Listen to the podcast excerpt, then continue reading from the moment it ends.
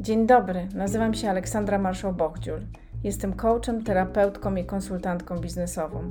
Potrzebujemy doceniać i mówić głośno o kobiecym potencjale. Robię to spotykając się z różnymi kobietami i nagrywam z nimi wywiady, w ramach których wydobywam na powierzchnię ich niezwykłe cechy. Każde nagranie jest pełne kobiecej mądrości, siły i mnóstwa pomysłów. Posłuchaj i podziel się wrażeniami.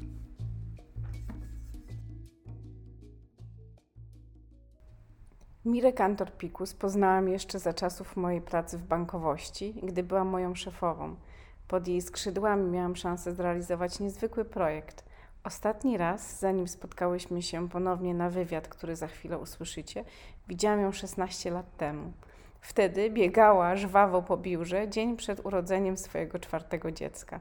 Imponowała mi swoją niezwykłą siłą i pogodą ducha. Ma ponad 20-letnie doświadczenie w branży bankowej i inwestycyjnej, a obecnie jest partnerem w międzynarodowej korporacji Cushman Wakefield. I wspiera również inne kobiety jako mentorka w programie Top Woman in Real Estate. Opowie Wam, jak ona radzi sobie w męskim świecie i jaki jest jej przepis na pokonywanie trudności. A jeżeli posłuchacie do końca, to usłyszycie również, jak odsłania przed Wami swoją ludzką twarz i opowie o jednej ze swoich gaf. Zapraszam Was bardzo serdecznie. Ja tak myślałam, w jaki sposób zacząć. Jak, jak sobie jechałam do ciebie, to przypomniało mi się, że dzisiaj rano wyprowadzałam psa i byłam na placu zabaw i spotkałam tam sąsiadkę, która ma czwórkę dzieci. Ja mam czwórkę dzieci, ty masz tak. czwórkę dzieci. I tak z nią rozmawiałyśmy i ona powiedziała, ja ją zapytałam, bo pamiętałam, że kilka lat temu rozmawiałyśmy, że planuje wrócić do pracy. Ona powiedziała, że jeszcze nie wróciła, że jest jej trochę ciężko podjąć decyzję, bo musiała wszystko zaczynać od zera, bo jednak odkąd zaczęła rodzić dzieci, to nie wracała do, do pracy zawodowej, ja w zasadzie mam czwórkę dzieci i cały czas jakoś staram się to życie rodzinne przeplatać z, tym, z tą opieką nad dziećmi, nad domem, a ty według mnie jesteś w ogóle przykładem takiej kobiety, która ma czwórkę dzieci i jeszcze w ogóle idzie jak, wiesz, petarda, jeżeli no, chodzi. Może nie, nie jak petarda, ale faktycznie dla mnie dosyć ważne jest, żeby mieć taki miks, czyli życie rodzinne, ale zawodowe jest mega ważne. Mhm to chyba bardziej od człowieka zależy. Natomiast dla mnie akurat to, że jest ten miks, jest y, takim faktycznie spełnieniem, że mam satysfakcję. Że jak ma się więcej wyzwań, to może być bardziej zorganizowany. Przynajmniej tak jest w moim aha, przypadku. Aha, okej, okay. czyli ty byś powiedziała, że w zasadzie jak pojawia się to kolejne dziecko, czy jak w ogóle pojawia się dziecko, to po prostu znajduje się na to sposób. Tak. No i myślę, że tak samo taka myśl u mnie jest, że nigdy nie jest faktycznie dobry czas na dzieci. Mhm.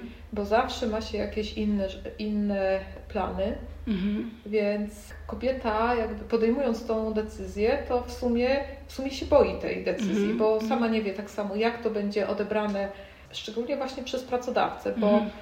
w Polsce też jeszcze takie pokutuje w zasadzie takie przekonanie, że jak kobieta będzie w ciąży, a później będzie miała dziecko, no to w zasadzie nie będzie e, właściwą taką osobą, jeżeli chodzi pełnojakościowym tak. pracownikiem. -hmm. Więc to jest, osoby się boją tak samo trochę tego wykluczenia. Ja na przykład miałam z, z trzecim dzieckiem taką sytuację, że dostałam jakby propozycję awansu. U nas, -hmm. ja wtedy w banku, w banku kredytarzu pracowałam. No i dostałam propozycję, no ja myślę sobie, no fajnie, być kierownikiem takiego super prestiżowego działu y, klientów strategicznych, natomiast no, ja w ciąży jestem. No i poszłam do członka zarządu i mówię, że no super, dziękuję bardzo, ale raczej nie, nie będę mogła tego przyjąć, bo jestem w ciąży. Natomiast on powiedział, że woli Mirę w ciąży niż kogokolwiek innego. Oh, wow. I to było tak...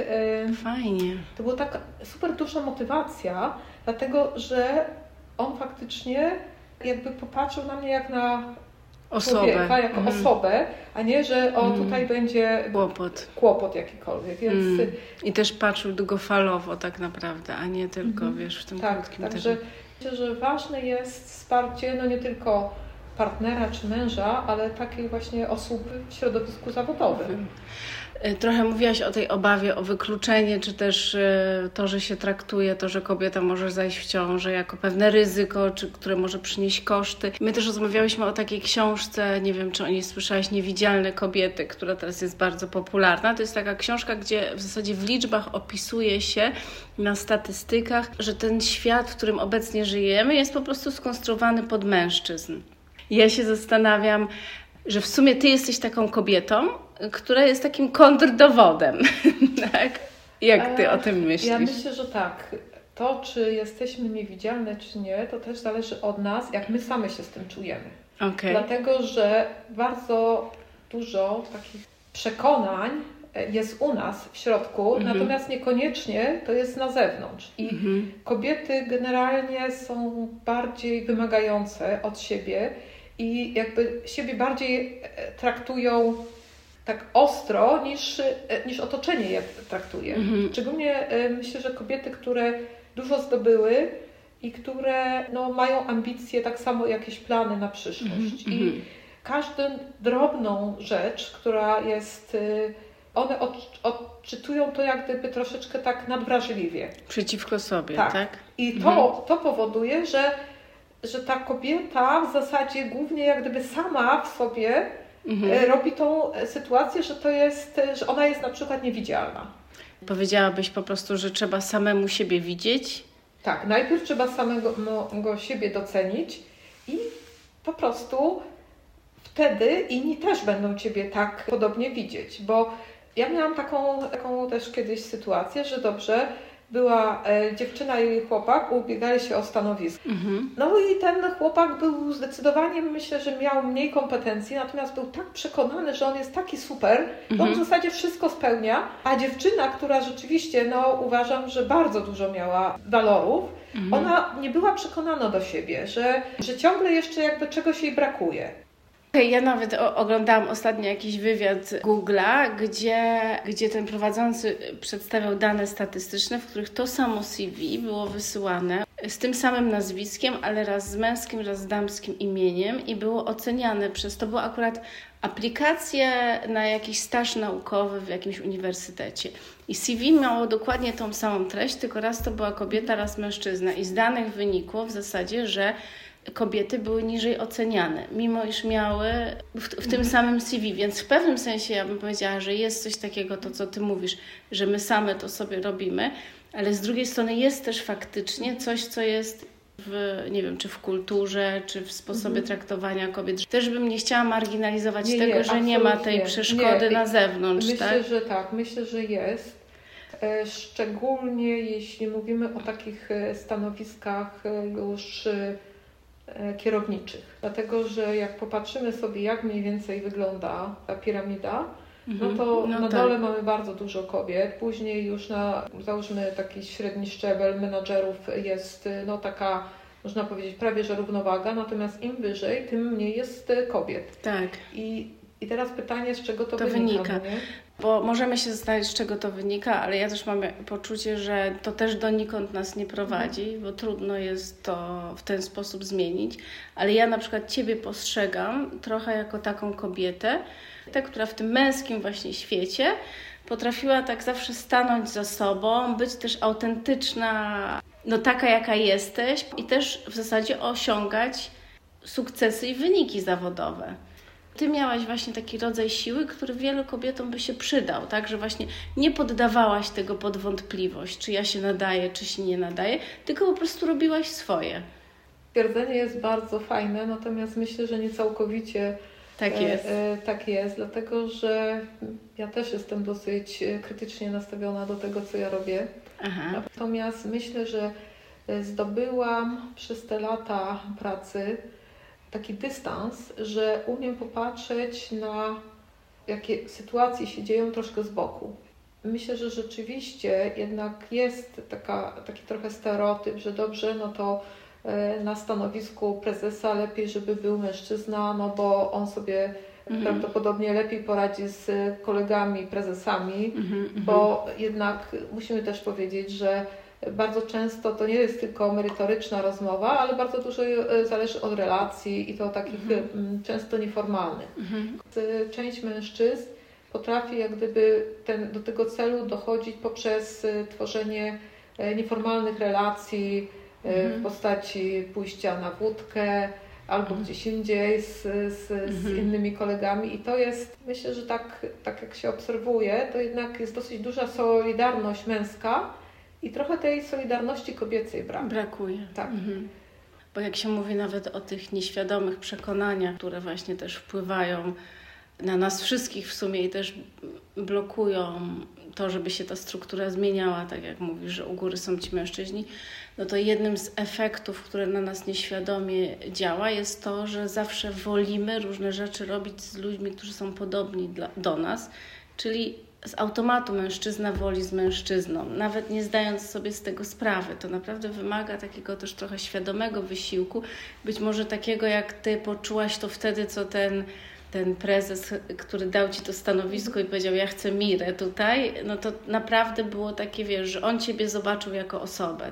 Ja też miałam takiego jednego szefa, który mi powiedział, że on woli pracować z kobietami, dlatego że kobieta na takim samym stanowisku jest trzy razy lepsza od mężczyzny, który pretenduje do tego samego mhm, stanowiska. -hmm. Dobrze by było, żeby myśleć w tej chwili o tym, że dywersyfikacja przekonań i taki miks osób, które tworzą zespoły, jest bardzo ważna, dlatego że te osoby dają różne doświadczenie i różne punkty widzenia. Najgorsze mhm. według mnie, co może być, to jeżeli jest dobór zespołu, który jest taki sam. Taki sam zespół nie spostrzeże pewnych elementów, które mogą mieć wpływ na całość, mm-hmm. bo oni wszyscy mają no, podobny punkt widzenia. Absolutnie nie jestem za jakimiś parytetami, ale uważam, że na tym etapie, w którym jesteśmy rozwoju korporacji, to jest potrzebne. Mhm. Dlatego, że jeżeli tego nie zrobimy, to w dalszym ciągu będzie zmaskulizowany cały jak gdyby świat ten e, wysokich, wysokich stanowisk. A ty? Och, ja. No bo w sumie można by powiedzieć, że e, wspięłaś się na tą drabinę tam. Dla mnie jest ważne tworzenie swojej marki. Pracowanie tam, gdzie faktycznie te moje wartości są, są zgodne z, z tym, co, e, co robimy, więc idzie się w tym kierunku, który jest zgodny z moimi celami i niekiedy, można powiedzieć, jest trochę strata pewnej, pewnej szansy, w mhm. cudzysłowie, która by mogła być niezgodna z, moim, z moimi... Jakimś kręgosłupem tak, moralnym. Tak, wiesz. Ale zobacz Mira, bo mi się wydaje, że to jest właśnie to, co kobiety często robią, że tak nie do końca doceniają e, to, co jest ich e, sposobem na sukces. Bo ty tak to powiedziałaś, tak wiesz, tak, tak mimo, mimochodem, że ja po prostu szukam miejsca, które jest zgodne z moimi wartościami, a jak nie jest, to, to jednak tam nie idę. I to jest naprawdę to jest naprawdę niezwykłe. To nazywasz tworzeniem marki osobistej, ale ja mam takie poczucie, że wiele osób właśnie pracuje na pewien swój wizerunek, który w zasadzie jest trochę odklejony od tego, kim oni naprawdę są. Często nawet jak popatrzymy sobie teraz na Instagramy, Facebooki, to wiesz, wszyscy tworzą tam piękne wizerunki tego, jakimi są cudownymi ludźmi, ale jak się tam gdzieś zajrzy głębiej, to w zasadzie to się wszystko nie trzyma kupy, tak? A u ciebie to jest właśnie na odwrót. Ty gdzieś tam masz ten swój kręgosłup moralny.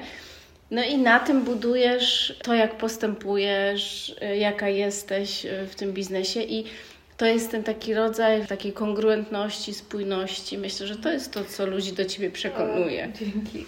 Wiesz co, ja myślę, że w ogóle prościej jest tworzyć swój wizerunek, zgodny z rzeczywistością. Bo inaczej. No tak, mniej to, to kosztuje. jest tak, tak męczące.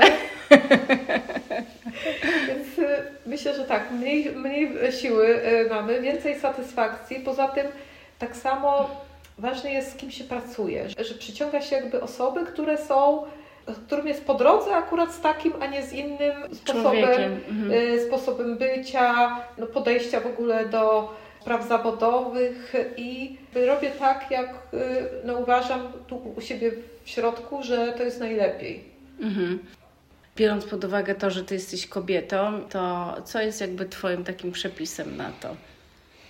No właśnie myślę, że to, że uważam, że mój wkład jest duży, bo jestem inna.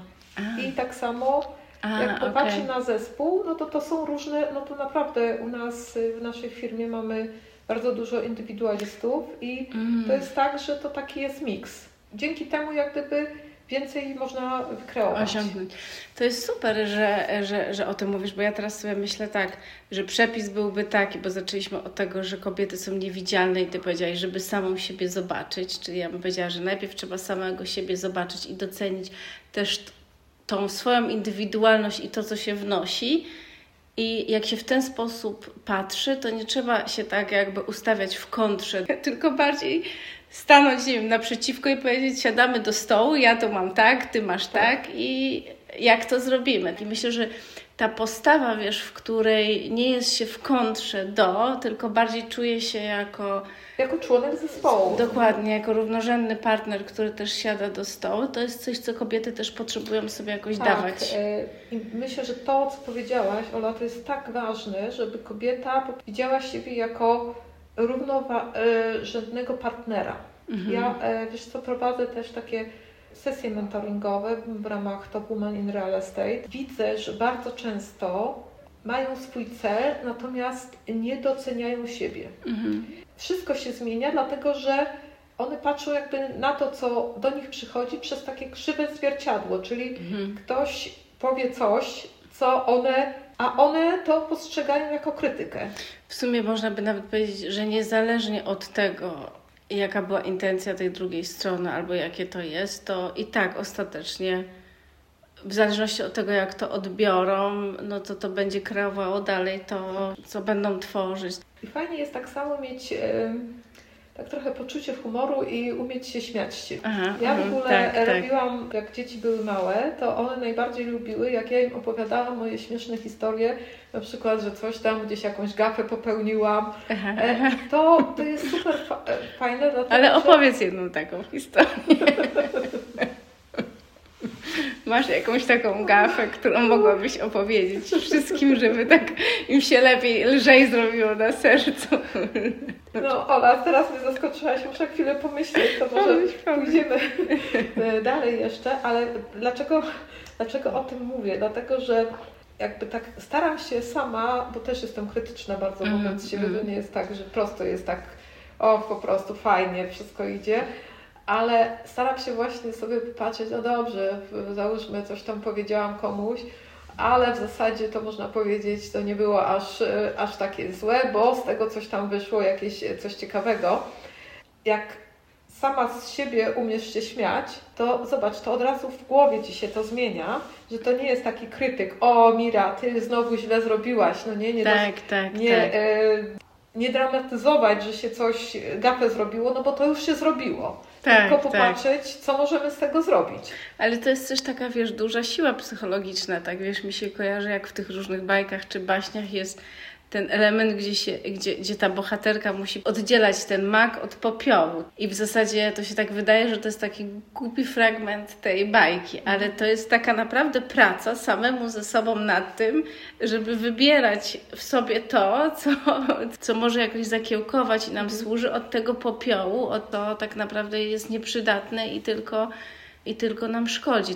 Czasem, czasem też kobiety przychodzą, nie wiem, czy właśnie na warsztaty, czy na coachingi, czy na terapię i trochę tak liczą na to, że coś się zmieni, coś się odmieni w ich życiu. Trochę tak jakby oddają tą odpowiedzialność też tej osobie, która czy prowadzi warsztat, czy coaching i tak dalej ale to się nie zmieni, tak? My żyjemy w takim świecie, takim jaki on teraz jest. No, jak sobie pomyślimy o tych pokoleniach kobiet, wiesz, jeszcze mhm. dwa, czy trzy, czy cztery pokolenia temu, to one jeszcze były w zupełnie innym miejscu, więc jakby tego nie zmienimy. Więc to, co możemy zrobić, to w tej sytuacji takiej, jaka jest, naprawdę jakby zakasać rękawy i same sobie e, pielęgnować tą naszą siłę wewnętrzną jakoś, tak? To jest to, co powiedziałaś, jest mega ważne, e, tylko jak to zacząć właśnie, że dobrze zacząć jakimiś takimi małymi krokami, że będziesz widzieć, jaki jakikolwiek rezultat. Pierwszy rezultat, Aha. znaczy pierwsza rzecz, przychodzisz, idziesz rano toaleta, dobrze, no to sobie się pouśmiechasz do siebie, e, super fajnie wyglądam, no nie?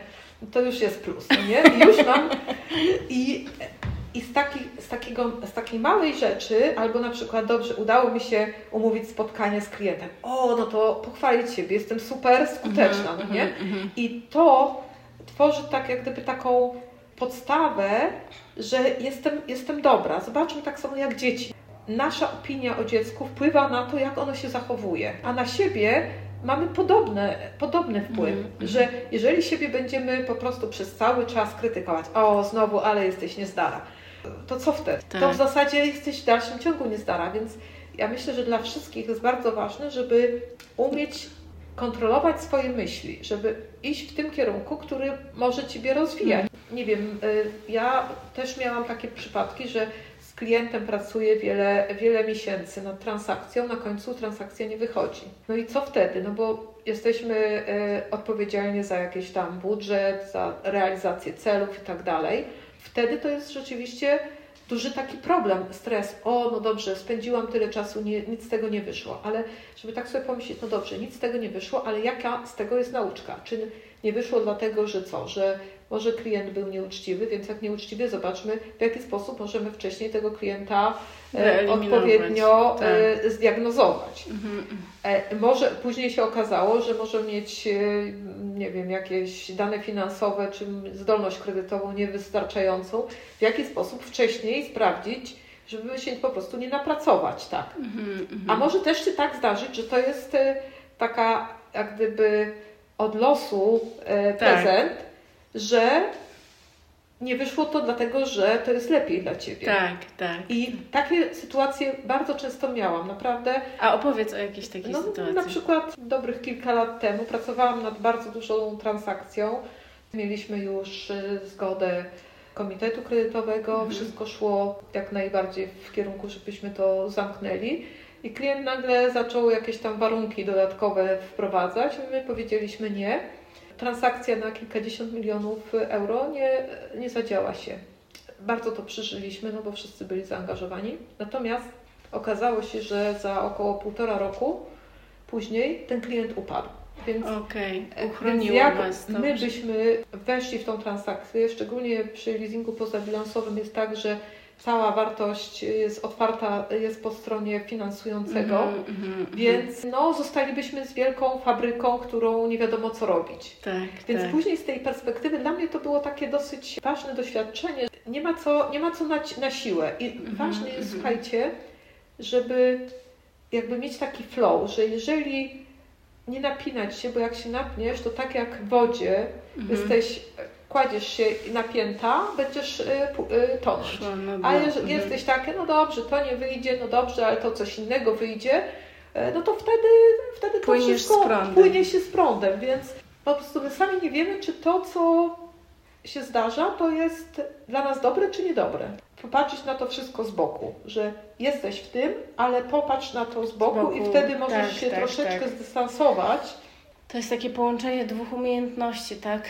Kiedyś ja czytałam jedną, jedną książkę moich nauczycieli, takich psychoterapeutycznych, i ten nauczyciel używał takiej metafory, że mówił, że jednocześnie musisz stać w tej rzece i, i jakoś wiesz, czuć, że masz te nogi zamoczone i że naprawdę tam jesteś w tym, ale z drugiej strony też mieć tą perspektywę, że widzisz tą całą rzekę, która płynie mhm. i umieć tak się nie, nie zatonąć zupełnie w tym, w tej powiedzmy bieżącej sytuacji, tylko tak.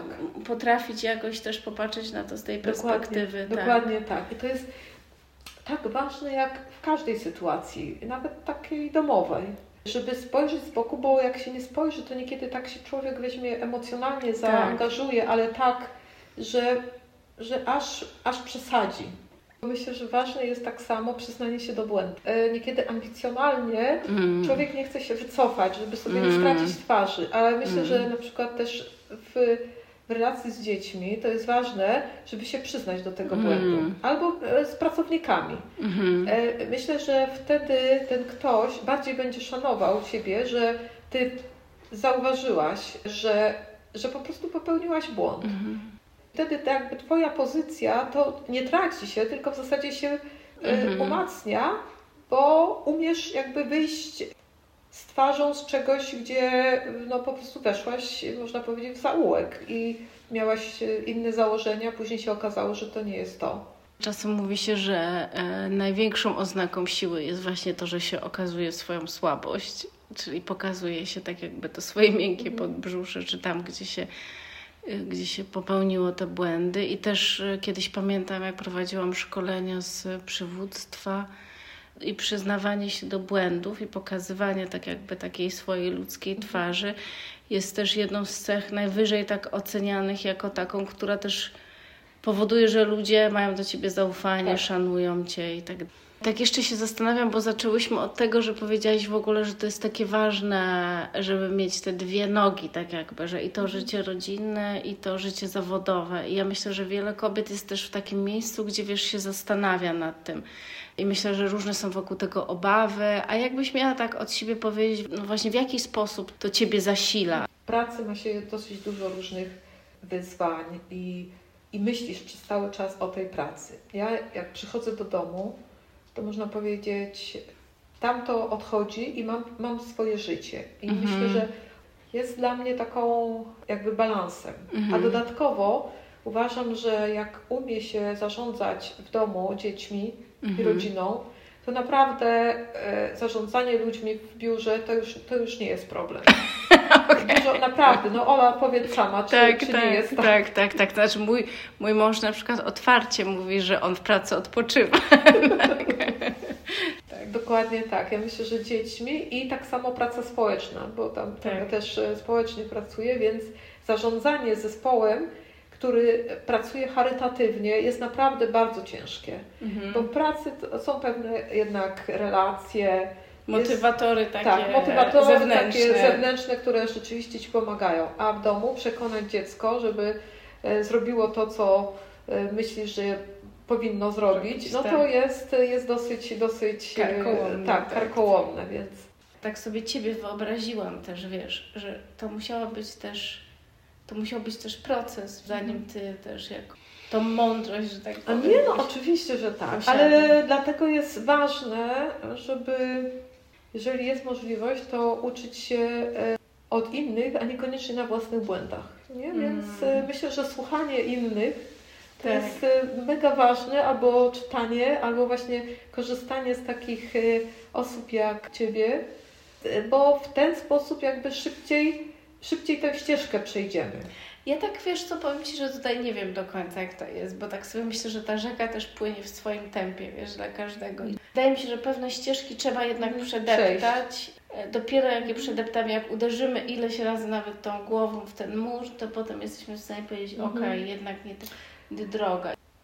Dlatego, że trzeba być na odpowiednim jakby etapie, żeby żeby coś więcej przyjąć. Tak. I przede wszystkim, żeby być otwartym, to nawet jak mówimy o, o spotkaniach e, takich rozwojowych, to dopiero jak jesteś na jakimś tam, przeszłaś jakąś ścieżkę, to dopiero wtedy możesz, możesz przejść dalej, dlatego że no, doszłaś dotąd. Tak, tak na skróty to w sumie się nie da, tylko można mieć otwarte oczy i to tak jak patrzysz, i nie wszystko widzisz. Natomiast jak tak. masz uważność, to możesz więcej zobaczyć, czyli tutaj jak wchodzisz w jakieś rozmowy i jakby czerpiesz z tego wszystkiego, to możesz z tego skorzystać, że to Cię może zainspirować do czegoś. Tak, tak. Natomiast dalej to niestety albo, albo stety e, Twoja praca. Tak.